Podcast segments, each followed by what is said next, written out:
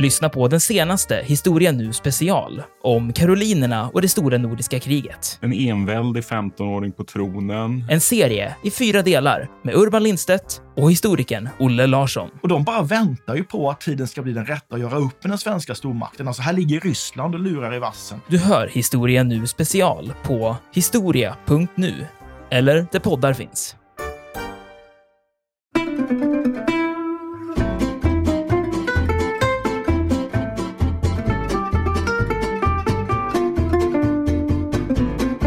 Här noteringen är gjord den 19 november 1703. Och där står det då att den här, han benämns då som den okände fången som har burit en mask. Och här får vi veta vad masken var gjord av. En mask, inte av järn, men väl av svart sammet. Och här nämns det också den här kommendanten San Mas som haft hand om den här under en längre tid. Och nu berättar den här källan att den här okände fången, den maskerade fången, dog denna dag den 19 november klockan 10 på kvällen. Då han blivit dålig efter att ha kommit tillbaka efter gudstjänsten. Trots då att han inte verkade ha lidit av någon allvarlig sjukdom. Och det är också ett mysterium i sig.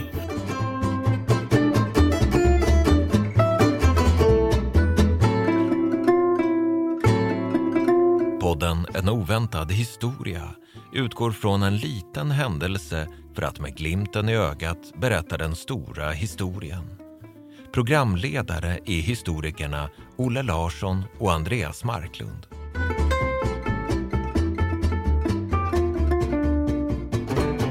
Hallå där Olle! Hallå Andreas!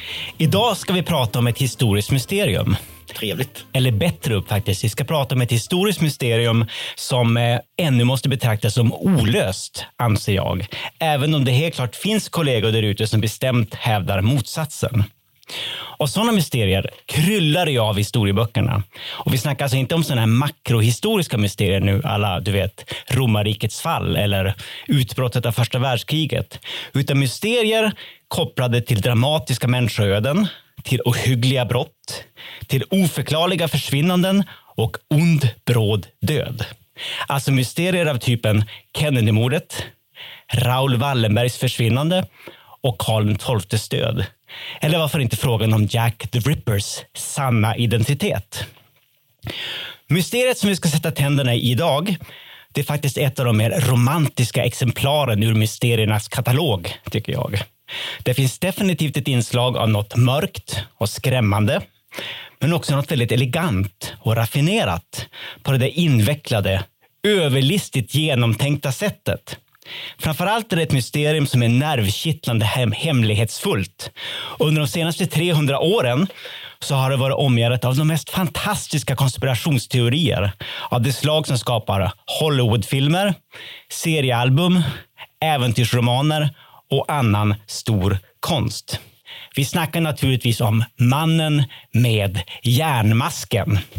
Olle, har du någon relation till den här ganska okända men ändå på något sätt relativt välbekanta fången? Ja, det har jag faktiskt. När jag var liten så brukade jag tillsammans med min mamma besöka biblioteket i Oskarshamn. Och där fanns det en avdelning med böcker som hette Illustrerade klassiker. Där kunde man hitta Robinson Crusoe, man kunde hitta En världsomsegling under havet och man kunde hitta mannen med järnmasken. Och jag har faktiskt köpt på mig de här på, eh, på äldre dag, så jag har dem faktiskt hemma. Och eh, de är ju fantastiska. De här otroligt starka berättelserna, inte då minst mannen med järnmasken. Och framförallt kommer jag ihåg fortfarande då att jag fascinerades av omslaget. Där man ser en, en man, man ser ögonen ganska tydligt, men han är klädd, ansiktet klätt i järn. Mm. Och på ena kinden, där själva låsmekanismen sitter, finns ett gigantiskt hänglås. Åh, oh, fantastiskt! Ja. Jag vet inte om det är historiskt korrekt emellertid, men det, det återkommer vi till det senare. Det beror på vem man frågar. Ja, men jag har ett liknande första möte med det, med det här mysteriet faktiskt. Alltså, här vill jag bara poängtera att jag älskade illustrerade klassiker. Och jag tror faktiskt att det var Marvel som publicerade de här. Det är ju helt fantastiskt. Det är fantastiskt. Själv stötte jag på Mannen med järnmasken för första gången när jag läste då Fantomen som barn. Det var någon gång på 80-talet. Fantomen var ju alltid bäst i historisk miljö tycker jag, när han hade kragstövlar och flintlåspistoler och sådär. Och det här var ett sånt album, kommer jag ihåg det som, som utspelade sig i, i Solkungen, Ludvig den XIVs Frankrike. Och det är dit vi kommer att bege oss, Olle. För även om det onekligen vilar ett, vad ska man säga, ett mytens skimmer över mannen med järnmasken, så har den här olycksalige fången faktiskt funnits på riktigt. Även om själva masken förmodligen inte var av järn. Och det återkommer vi till lite senare. When you're ready to pop the question, the last thing you want to do is second guess the ring. At Bluenile.com, you can design a one of a kind ring with the ease and convenience of shopping online. Choose your diamond and setting. When you find the one, you'll get it delivered right to your door. Go to Bluenile.com and use promo code LISTEN to get $50 off your purchase of $500 or more. That's code LISTEN at Bluenile.com for $50 off your purchase. Bluenile.com code LISTEN. Hey there, it's Michelle Norris. I'm host of a podcast called Your Mama's Kitchen. When I travel, I'm usually looking for a way to find a taste of home when I'm not at home. And one of the things I love to do when I am at home is entertain. And Airbnb allows me to do that. When I was in California recently, I rented a house that had a great kitchen. And when we were sitting around the table, we we're all thinking, we're in someone else's house. Someone could be in all of our homes as well. If you have a home, but you're not always at home, you have an Airbnb. Your home might be worth more than you think. Find out how much at airbnb.com/slash host. Life is full of awesome what ifs, and some not so much, like unexpected medical costs. That's why United Healthcare provides Health Protector Guard fixed indemnity insurance plans to supplement your primary plan and help manage out of pocket costs. Learn more at uh1.com.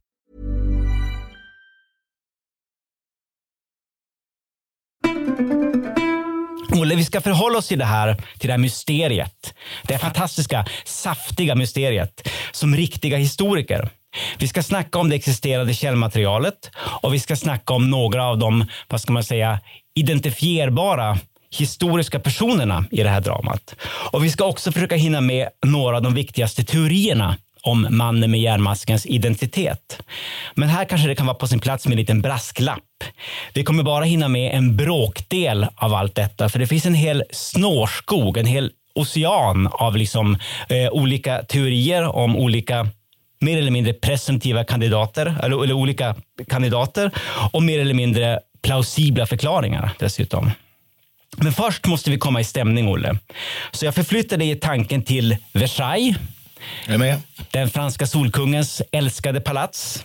Året är 1715. Det är i slutet av augusti och den store Ludvig den 14 ligger på sitt yttersta. Han har fått kallbrand i ena benet och det finns ingenting som läkarna kan göra.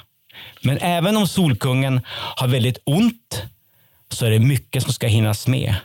Han ska ta avsked av sina, alla sina nära och kära och han ska överlämna kungariket, alltså självaste Frankrike, i säkra händer. Och en av de första som får företräde vid dödsbädden är kungens brorson, hertigen av Orléans, som står inför den livsviktiga uppgiften som förmyndarregent.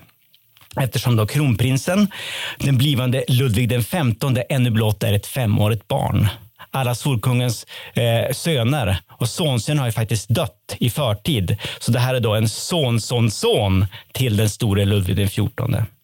Och förutom då att Ludvig XIV naturligtvis understryker för förmyndaren att han ska hand, ta hand om den här eh, barnkungen som sin egen son och förvalta barnkungens rike som vore det hans eget kungarike, så viskar Solkungen någonting i hertigens öra. Och det är ett faktum, Olle. Solkungen, den döende Solkungen, denna bokstavligt talat svartnande sol, viskar något i sin brorsons öra. Det finns vittnen till detta. Men vad är det som är så hemligt att det måste viskas?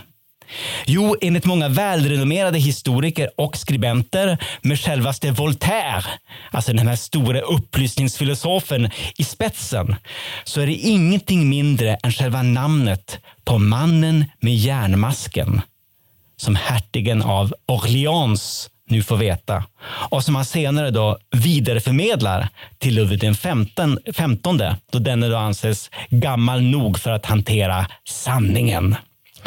Och på ett liknande sätt ska Ludvig XV, enligt många historiker, ha informerat sin efterträdare Ludvig XVI om mannen med järnmaskens identitet. Ludvig den XVI däremot, han tog hemligheten med sig i graven eftersom han dog i förtid för giljotinens bila under franska revolutionen 1793 och förmodligen hade annat att tänka på under sina sista ögonblick i livet. Olle, det här låter ju som ett kapitel ur en historisk äventyrsroman och det blev det faktiskt också på 1840-talet då Alexandre Dumas den äldre skrev, eller använde den här historien när han då skulle skriva en sequel, en fortsättning på succéromanen, eller egentligen då succéföljetongen om de tre musketörerna. Men det finns ju också en historisk verklighetsbakgrund, Olle, något som faktiskt kan beläggas empiriskt. Så Olle, vad vet vi egentligen rent historiskt om den här otroligt mystiska figuren? Vi vet ju faktiskt att det är en historisk person. Han finns eh, nämnd i två stycken eh, skriftliga belägg som är eh, samtida. Det ena är från 1698 och det andra är från 1703. Och båda de här beläggen kommer då från det ökända eh, stadsfängelset i Paris eh, Bastiljen Precis. som stormas i samband med franska revolutionens utbrott den 14 juli 1789. En historisk milstolpe. Precis. Och det man får veta här, det är ju i den här första källan där det står att eh, torsdagen den 18 september klockan tre på eftermiddagen så kommer en person som heter Monsieur de Saint-Mars till eh, Bastiljen och det är den nya fängelsedirektören. Men med sig har han också en fånge, en mycket speciell fånge som eh, han har haft uppsikt över under en längre tid. Det är hans personliga ansvar verkar det som. Eh, och den här fången hölls alltid maskerad. Och han hade ett namn som inte fick yppas. Där dyker han upp i historien för första Oh, gången. Gåshud. Ja, det är gåshud. fantastiskt. Ja. Ja. Och det här är från liksom förteckningen över intagna vid Bastiljen. En liten så här randanteckning nästan, en notering. Men det är ju en till, va? Det är ett till fragment. Som det handlar om, eh, ja, sortin kan man väl säga. Precis. Och den här, den här noteringen är gjord den 19 november 1703. Och där står det då att den här, han benämns då som den okände fången som har burit en mask. Och här får vi veta vad masken var gjord av. En mask, inte av järn, men väl av svart sammet. Och här nämns det också den här kommendanten San Mars som haft hand om den här under en längre tid. Och nu berättar den här källan att den här okände fången, den maskerade fången, dog denna dag den 19 november klockan 10 på kvällen. Då han blivit dålig efter att ha kommit tillbaka efter gudstjänsten. Trots då att han inte verkade ha lidit av någon allvarlig sjukdom. Och det är också ett mysterium i sig. Ja. Men det är, det är de två noteringarna vi har. Usch. Han finns alltså i verkligheten. Han, hans namn får inte yppas. Han är maskerad. Så det starkaste beviset för att den här stackars personen faktiskt har existerat stammar från slutfasen av vederbörandes liv. Det finns något mer också, en liten, liten anteckning till i den där förteckningen som hänvisar till en specifik kyrka i Paris där den här mannen eller personen ska ha blivit begraven dagen efter i stillhet, alltså den 20 november 1703 under namnet Monsieur de Marchiel enligt då fångförteckningen vid Bastiljen. Följer man spåren till den där kyrkan i centrala Paris, vilket historikerna naturligtvis har gjort, så hittar man då i den lokala kyrkoboken istället namnet Marchioli. Så låter det italienskt. Ja, precis. Jag tänker nästan lite Macchiarini. Nästan. Marchioli.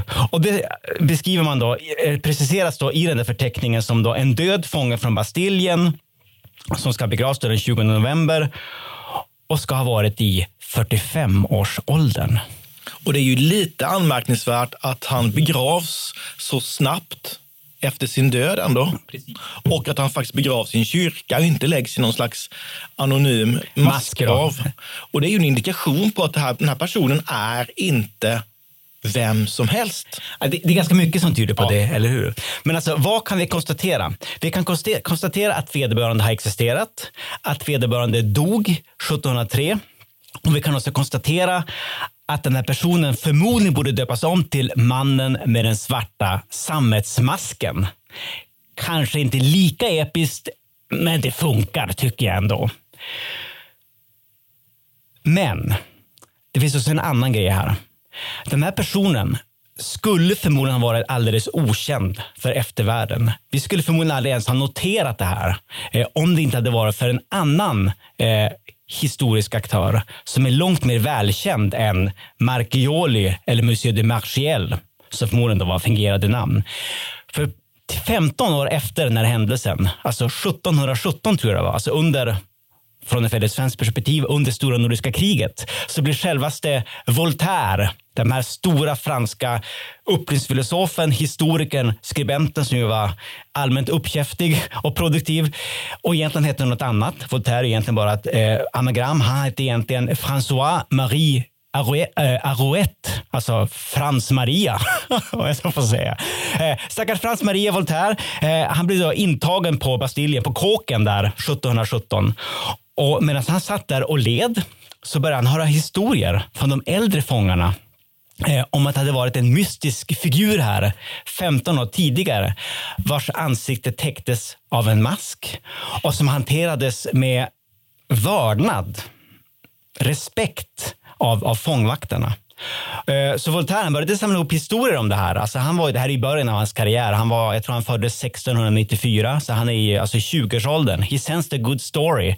Han började samla ihop material genom någon slags du vet, oral history, muntlig historia. Han intervjuade folk och publicerade sedan sina rön i mitten av 1700-talet i, i flera verk. Jag tror det första är den här, den heter L'Age du Louis XIVs, eh, Louis XIVs århundrade, kommer 1751. Den presenterar då sin, sin, eh, sina rön och, och, och, sin första tes om mannen med järnmaskens identitet. Eh, och det kommer vi återkommer vi till eh, alldeles strax, det här med identiteten. Men först, jag tror att det här, enligt, enligt mina uppgifter, jag har grävt lite grann i den här historien, bland annat på grund, på grund av att jag håller på att skriva då en biografi, en liten biografi över Ludvig XIV. Enligt vad jag har förstått så är det här första gången så i, som idén om den här järnmasken faktiskt nämns. I alla fall första gången som den kommer i tryck. Eh, Voltaire var ganska specifik där. Det var en järnmask och han nämner till och med någon slags specialanordning med diverse fjädrar och skruvar. Jag tror också det är en liten lucka någonstans som gör att den där stackars fången då kan äta mat trots att han har masken på sig. Men Olle, eh, han hade en ganska klar idé vår gode Frans Maria, alltså Voltaire, om vem fången egentligen var. Eh, vad vet vi om det? Ja, man får komma ihåg att, att, Voltaire var ju allt annat än en royalist. Han var inte speciellt förtjust i det franska kungahuset, Nej. upplysningsfilosof som han var.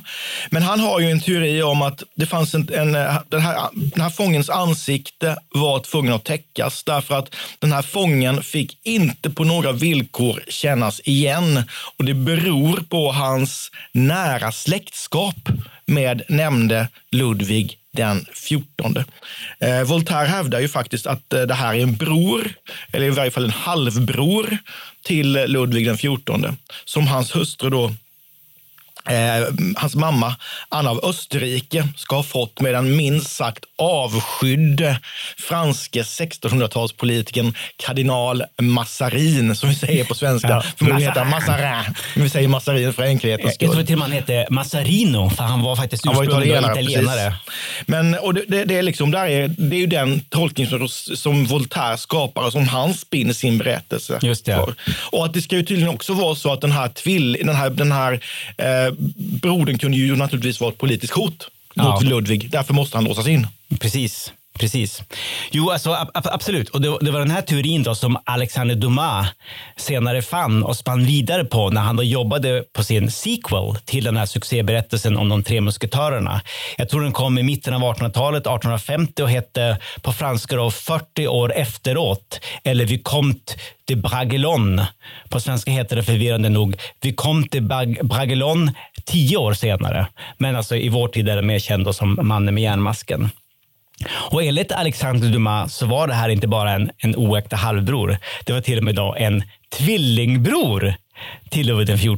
Det är en helt fantastisk skildring. Och till och med den brodern som kom ut först. Ja, exakt. Och, och faktiskt de, den rättmätige arvtagaren till den franska tronen. Just det, precis, precis. Och det är då en teori som många av oss naturligtvis känner igen från den här filmen The Man in the Iron Mask som kom 1998 med självaste Leonardo DiCaprio i en tvillingroll, eller inte en dubbelroll, det kan heta tvillingroll, som både Ludvig XIV och den här stackars tvillingen. Och det som är intressant är i filmen är det ganska tydligt, som jag kommer ihåg, jag har bara, faktiskt bara sett den en gång, även om jag, jag kommer ihåg det som en bra film, jag gillade den.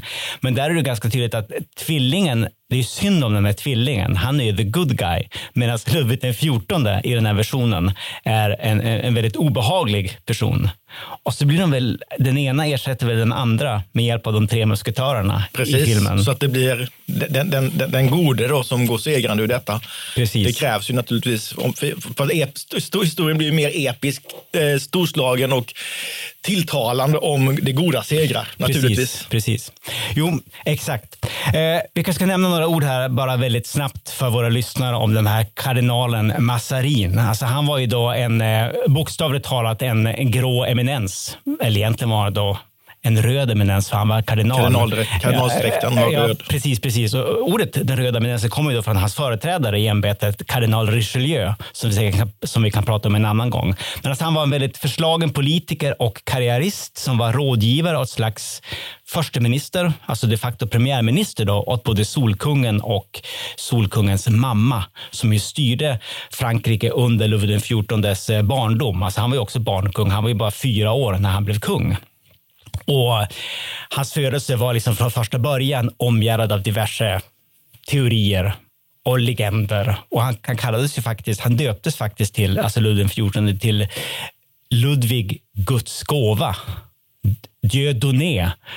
Uh, vilket ju gav upphov till diverse spekulationer redan från första början. Onekligen en viss kyrklig koppling. Eh, onekligen. onekligen. Nå, någon, ja, högre makter hade finger med i spelet. Frågan om det var kardinal Mazarin eller Gud eller något annat.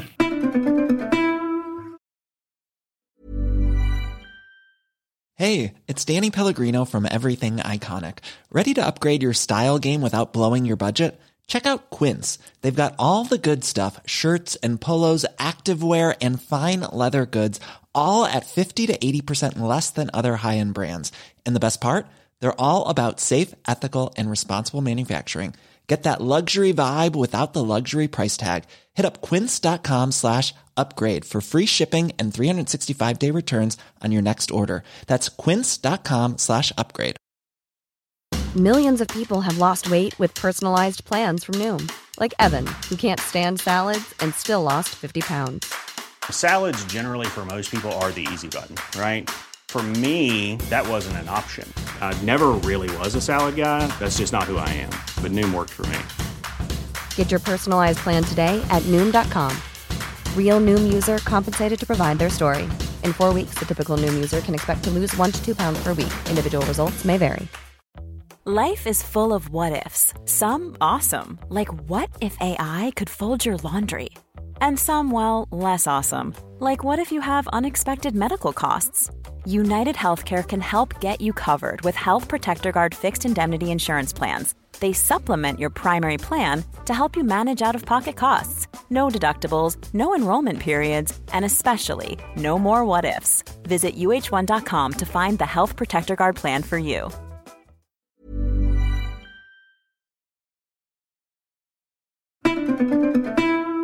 Olle, teorier om att mannen med järnmasken egentligen var en förskjuten medlem av den franska kungafamiljen florerar ju än i våra dagar.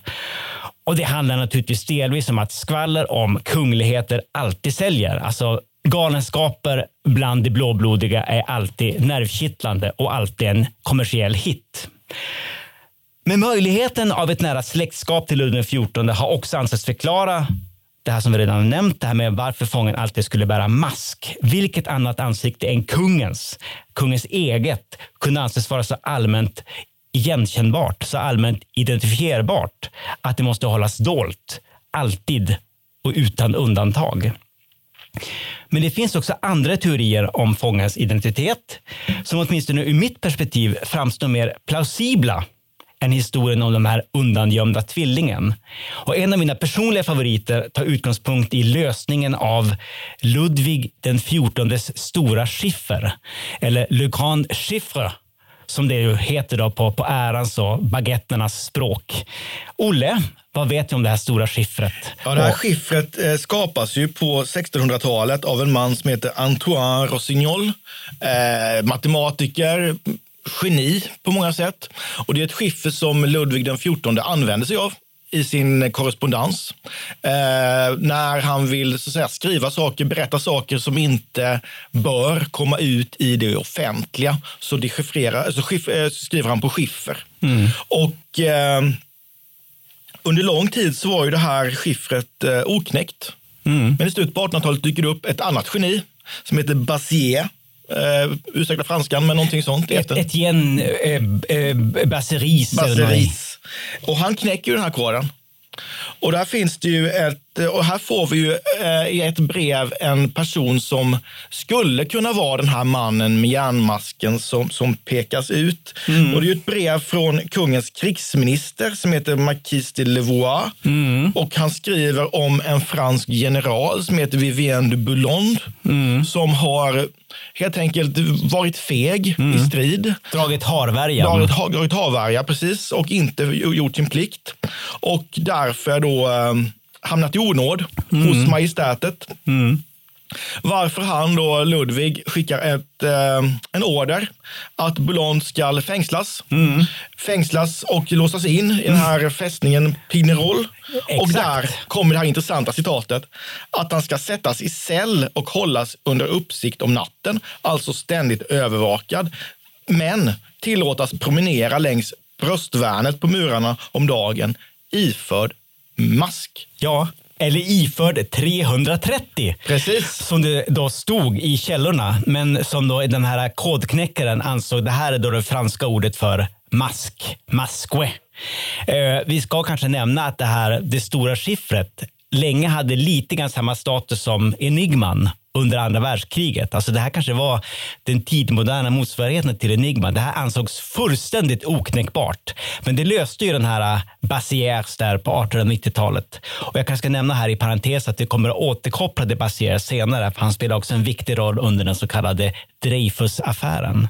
Men han lyckades i alla fall knäcka den här koden eh, och ehm, öppnade upp en, en, en massa, alltså massor av krypterade brev från Ludvig XIVs tid för historikerna. Så det var verkligen en hero- heroisk insats rent vad ska man säga, historievetenskapligt.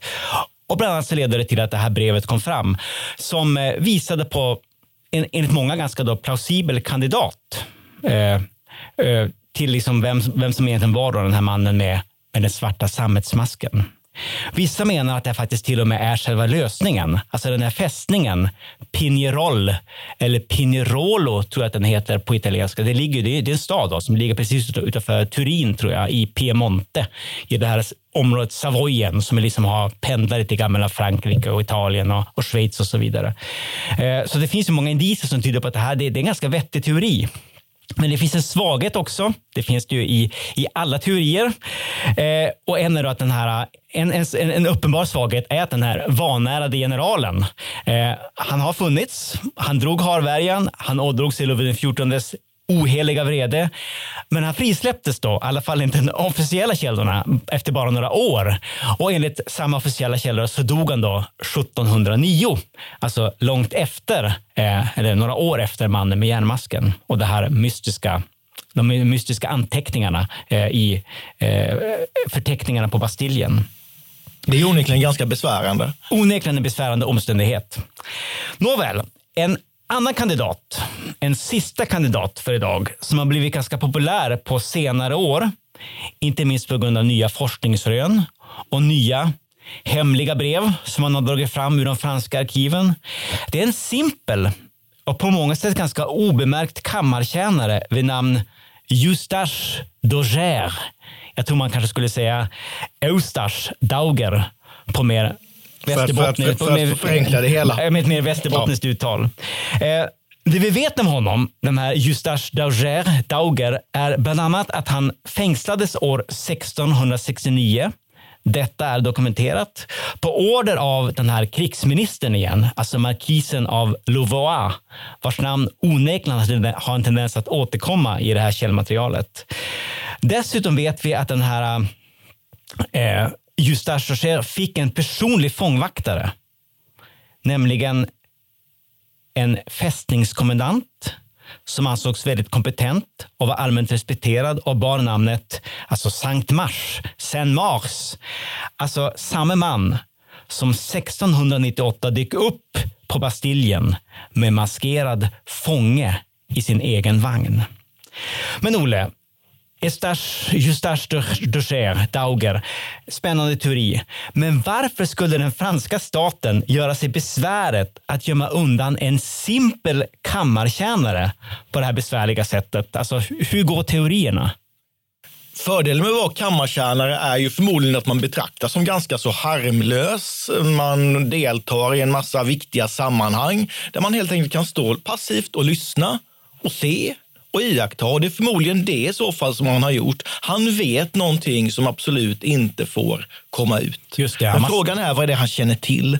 Eh, han, enligt några förklaringar så sägs det att han, eh, återigen, det när Massarin dyker upp, att han kände till att eh, Massarin har byggt stora delar av sin enorma förmögenhet på att försnilla pengar ur statskassan. Mm. Det där fanns det ju naturligtvis starka krafter som inte ville att det skulle komma ut. Någon försnillningsskandal som inte fick komma ut i offentligheten. Absolut. Men också, det tycker jag är rätt spännande, att han en annan teori är att han har varit närvarande vid eh, hemliga förhandlingar mellan just Ludvig den XIV och Karl den II av England. Just det. Som är väldigt politiskt känsliga då och som helt enkelt gick ut på att den engelske kungen skulle byta, byta eh, religiös riktning, bli katolik ja. och, eh, ska åter, och alltså etablera ett kungligt envälde i England med fransk hjälp. Och det är rätt spännande, för då hade ju den ärorika revolutionen satts ur spel och allt detta. Historien, historien skulle ha sett väldigt annorlunda ut. Precis. Och det är inte en helt orimlig teori faktiskt, för vi vet ju att eh, alltså Karl II var faktiskt nästan som en bror för Ludvig XIV. Hans pappa Karl I blev faktiskt avrättad under det väldigt oroliga 1640-talet i England och före det hade han då skickat sin son i säkerhet hos Solkungen och de var ju i princip jämnåriga och hade en personlig relation.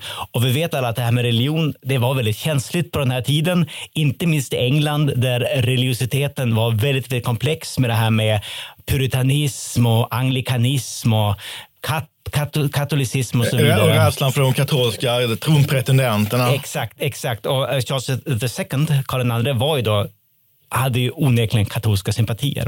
Så det här var verkligen känsliga saker. Och det fick saker. inte komma ut. Verkligen inte. Och det här var då möjligen, möjligen någonting som som man nu ska säga med viss anglicism, överhördes av den här kammartjänaren, Monsieur Dauger.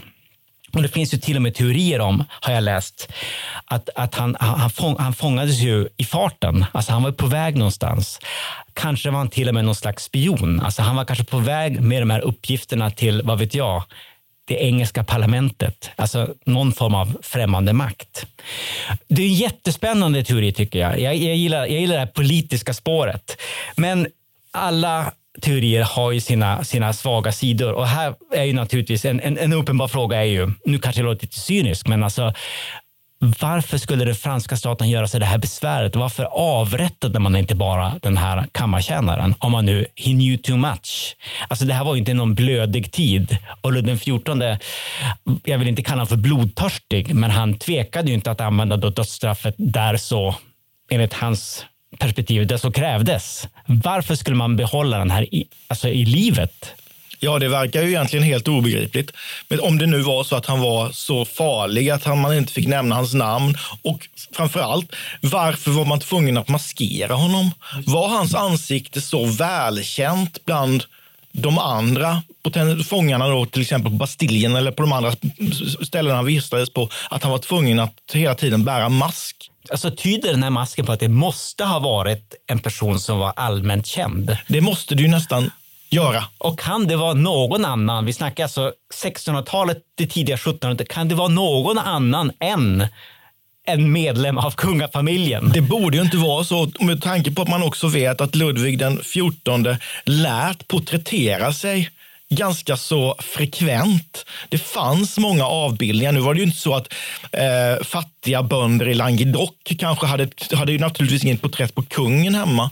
Men på Bastiljen bland annat så fanns det ju ganska många politiska fångar. Mm. Och de kände ju naturligtvis igen kungen. Eller om det nu hade varit en bror till kungen, Mm. släktdragen där, ansiktsdragen. Men kan så, det- ja. men det är jättesvårt. Men tänk om det, tänk om det, men tänk om det kanske till och med var en, en oäkta son till kungen. Alltså, alltså någon kanske... eh, Alltså, en, en, en, en, en person som, jag vet inte, det fanns någon handikapp eller någonting som gjorde att vederbörande inte kunde bli en, en dauphin, alltså en kronprins. Måste gömmas undan. Eh, liknade kungen väldigt mycket, men kanske på något sätt som då i dåtidens ögon var lite, jag vet inte, ovärdigt. Kanske hade han, eh, ble- blev han undangömd för han kanske hade något slags ansiktshandikapp. Ja, något Och sånt. därför fick han inte träffa de andra fångarna heller. Han kanske hade svårt att tala eller Ja. ja, vem vet. Jättespännande, Olle. Men spännande är det. Olle, i slutet av det här programmet brukar vi alltid kosta på oss att vara lite lättsinniga, lite extra lättsinniga och kanske till och med spana in i framtiden eh, och sådär. Så jag tar mig friheten att fråga dig, och det här är lite ondskefullt, men alltså rakt på sak. Olle, kommer det här mysteriet någonsin att få sin lösning? Eller finns det kanske helt enkelt för mycket knasiga teorier om det här för att vi någonsin ska liksom kunna komma in till pudelns kärna? Jag skulle ju så hemskt gärna vilja veta vad det var Ludvig den XIV viskade i örat där på, på, på sin dödsbädd. Jag skulle vilja veta namnet på mannen med järnmasken eller kanske då mannen med sammetsmasken. Men jag skulle säga så här, om vi ska kunna svara på den här frågan så måste det inträffa som jag tror att alla vi historiker drömmer om.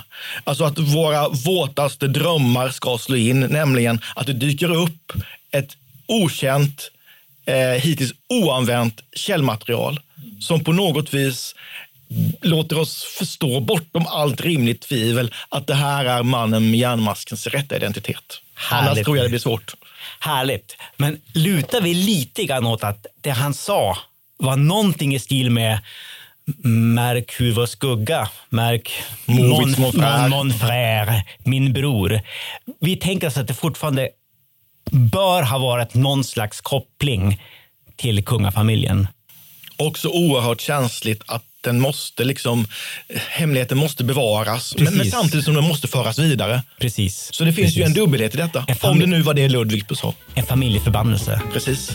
Vi ses. Absolut. Hej, hej. Tack. Hej. Vi tackar programledarna Olle Larsson och Andreas Marklund. Kontakta gärna Olle och Andreas på ovantad@historia.nu. Vi läser allt, men hinner kanske inte alltid svara.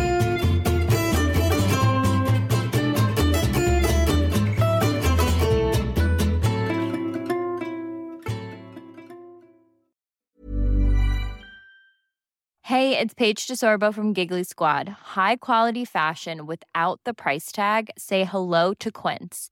I'm snagging high-end essentials like cozy cashmere sweaters, sleek leather jackets, fine jewelry, and so much more. With Quince being 50 to 80% less than similar brands. And they partner with factories that prioritize safe, ethical, and responsible manufacturing. I love that. Luxury quality within reach. Go to quince.com slash style to get free shipping and 365 day returns on your next order. Quince.com slash style. Mom deserves the best, and there's no better place to shop for Mother's Day than Whole Foods Market. They're your destination for unbeatable savings, from premium gifts to show-stopping flowers and irresistible desserts. Start by saving 33% with Prime on all body care and candles. Then get a 15-stem bunch of tulips for just $9.99 each with Prime. Round out Mom's menu with festive rosé, irresistible berry chantilly cake, and more special treats. Come celebrate Mother's Day at Whole Foods Market. Iran har under 1900-talet genomgått tre omvälvande revolutioner som orienterat landet antingen mot västerlandets modell eller mot en auktoritär styrelseform.